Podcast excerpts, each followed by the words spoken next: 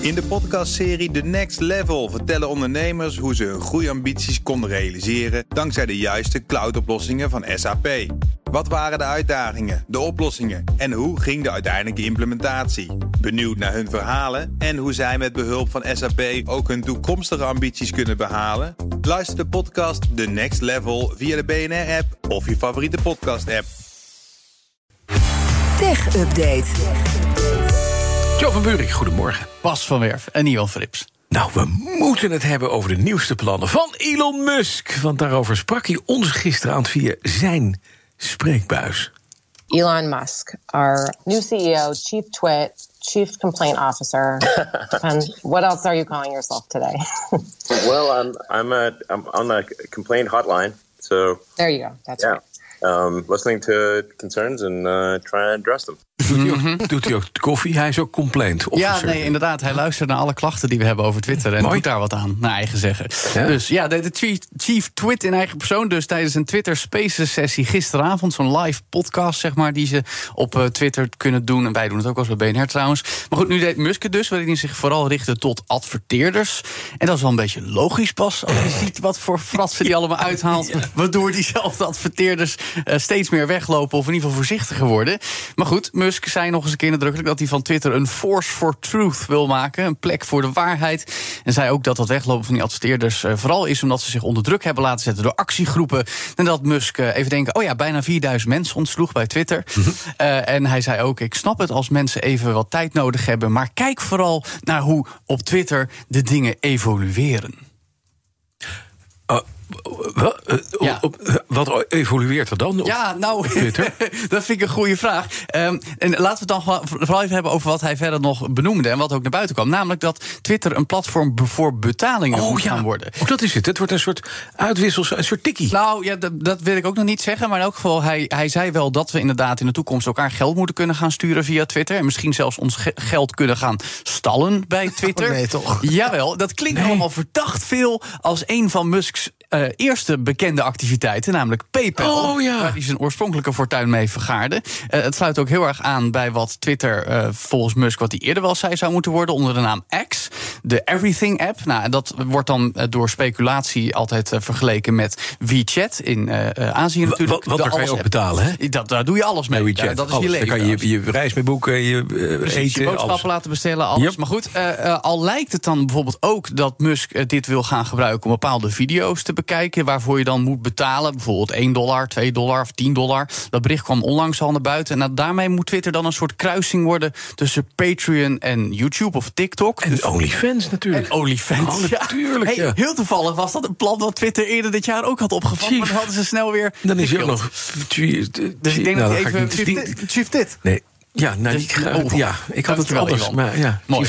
Maar, Maar goed, eh, dat heeft dus allemaal te maken met dat betaalde abonnement Twitter Blue... waar je 8 dollar per maand voor moet betalen om dat blauwe vinkje nu te krijgen. Maar dat is tevens, benadrukte Musk in die spaces... een verificatie van je betalingsgegevens. Dus dat Ja, is ja, ja, ja, ja. eh, ergens wel weer handig. Om dit soort betalingen te mogen faciliteren... is ook al papierwerk ingediend bij de Treasury Department... Financial Crimes Enforcement Network in de VS. Dat heeft de New York Times vannacht eh, bericht. Dus was alles bij elkaar... Alles bij elkaar klinkt het zwaar een klein beetje logisch welke kant dus Twitter is aan het evolueren. Maar het- nou, dat durf ik nog niet helemaal zo hard te zeggen. Maar het loopt helemaal goed nu met die betaalde blauwe vinkjes Nee, van 8 natuurlijk niet. Oh, mis. Zeker niet. Omdat 24 uur geleden zat ik hier nog bij je te vertellen dat er een grijs vinkje kwam. Ja, dat klopt, Met het label official. Gisteravond vertelde Connor in de tech update dat grijze vinkje is alweer weg. Want Musk heeft datzelfde nek omgedraaid omdat hij het een esthetische nachtmerrie noemde. Waarom, waarom is die man... Nou, Maar was het ook? Want je had opeens twee vinkjes. Ja, het sloeg ook helemaal nergens op. Maar goed, eh, accounts zoals grote media en overheidsinstanties... die gaan natuurlijk niet betalen voor dat vinkje. Maar het is dan toch belangrijk dat die iets van een kenmerk hebben. Dus daar was het voor. Maar goed, het is dus alweer weg. En dus hadden we gisteravond en vannacht de wonderlijke situatie... dat er allerlei accounts waren eh, met een blauw vinkje. Eh, bijvoorbeeld eentje die heet Nintendo of America... met een plaatje van Super Mario die zijn middelvinger opstak. Oké. En dat heeft urenlang gewoon online gestaan. En het, ja, op eerste gezicht denk je, nou, Nintendo of America is een beetje schunnig aan het worden. Maar dat is dus gewoon een, een lolbroek die een abonnementje Twitter Blue heeft gekocht. eh, daarmee een blauw vinkje en zijn, de naam van zijn account heeft veranderd in Nintendo of America. Precies, en die kan dat gewoon blijven doen. Zonder dat iemand En- dat offline haalt. Precies, en zo was er ook het account eh, Donald Trump, met Real Don Trump, met een blauw vinkje dus. Die Ja. twitterde, this is why Elon, plan, eh, Elon Musk's plan doesn't work. Nou, een mooie nep Donald Trump, want daar sluit ik me zo waar toch een beetje bij aan. Ja. Oh, maar, maar is Elon Musk gewoon live dingen aan het testen en dan na een dag weer Ja, aan het dit halen? is niet en- eens beta testen, dit is gewoon open alpha Ja. Het, wat, het is een beetje wat ik herken van Microsoft. Als je daar op een blue screen Nou. gaat, dan, ja, dan krijg je een halve pagina A4 in onbegrijpelijke tekst waarom je computer is vastgelopen. Ja, ja. Ja, nee, waarvan ik altijd denk: solve it. Ja, nou, dat Regel dit. en dan is daar dus nog vermoei me er niet mee. Heel veel van tevoren getest en hier worden Ja. gewoon dingen naar buiten geschoten. Hij dan maar wat. ja, ja, wat nee, je- gebeurt. eh, ja, goed. Dus eh, ja, dat dus. Ik ben er zelf ook een beetje Ja. sprakeloos van. Er gebeurt van alles daar. Oh ja, maar als je Tesla had gevolgd, had je weer geweten hoe dit ging lopen. Jawel, maar dat, daar is niet zo dat zeg maar, de schroeven van je auto gehaald worden terwijl je ermee aan het rijden bent. Dat is basically Nee, dat niet. Daar vallen ze er gewoon vanaf. En als je dan naar een servicecenter gaat, dan is niemand die je kan helpen de komende vier maanden. dat is waar. Maar eens met taxichauffeurs praten hier in Amsterdam. Dan moeten we nog even hebben over de schok op de cryptomarkt. Want Binance heeft due diligence, heeft in de boeken gekeken bij FTX. En gedacht, dat boek slaan wij heel snel dicht. Ja, nee, we gaan het niet overnemen. Dat is de andere eh, gigantisch grote soap in de tech-industrie die nu speelt. Dat Binance inderdaad op Twitter notabene aangaf dat ze toch niet FTX gaan overnemen. Nee. Naar aanleiding ook van het, eh, het onderzoek dat Amerikaanse autoriteiten daar nog gaan doen naar het fondsbeheer van FTX. Ja, het blijft een wonderlijke situatie. Opeens liquiditeitsproblemen. eh, vervolgens een deal gesloten met Binance FTX, dus om overgenomen te worden. Maar ja, die problemen kwamen juist omdat Binance de cryptomunt van FTX wilde dumpen. En ja, het afblazen van die hele deal zorgt ook voor een forse daling in de koersen van de cryptomunten. Waaronder Bitcoin, die alweer een krap een vijfde aan waarde is verloren. En ook de andere munten zoals Ethereum en Dogecoin verloren flink.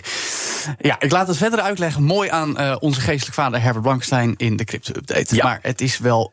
Ja, het is me allemaal wat Het pas. doet pijn. Ja, en dan ook nog 11.000 mensen eruit gegooid bij, bij Meta. Ja, dat, dat, dat gebeurt ook even deze week. Ja. Ik, eh, Wil je- ik zou een eigen show doen. Ik, eh, hier Ja. gewoon eh, in plaats van de ochtendshow. Gewoon de tech-update. Ja. Van, zes, van zes tot tien. nou, we, kunnen, we kunnen best een hele dag live radio over tech maken. En jij- er af en toe met het nieuws. Ja, precies. Hey, wat gebeurt er in de Oekraïne eigenlijk? Oké, vijf minuten, daar hebben we het gehoord. Dankjewel, Onze Jo van Buurik. Onze geestelijk vader. Ja, geestelijk vader. Van ons allemaal. Ja, weet je wel, Herbert. Met Blankenstein? Ja. Over tech. Oh, Geestelijk techvader. En crypto. dat dan is zo'n mooie bijstand. Cryptovader. Dus moeten we daar weer over twitteren dat het niet waar is. De BNR Tech Update wordt mede mogelijk gemaakt door Lenklen. Lenklen. Betrokken expertise, gedreven resultaat. In de podcastserie The Next Level vertellen ondernemers hoe ze hun groeiambities konden realiseren dankzij de juiste cloudoplossingen van SAP. Wat waren de uitdagingen, de oplossingen en hoe ging de uiteindelijke implementatie? Benieuwd naar hun verhalen en hoe zij met behulp van SAP ook hun toekomstige ambities kunnen behalen? Luister de podcast The Next Level via de BNR-app of je favoriete podcast-app.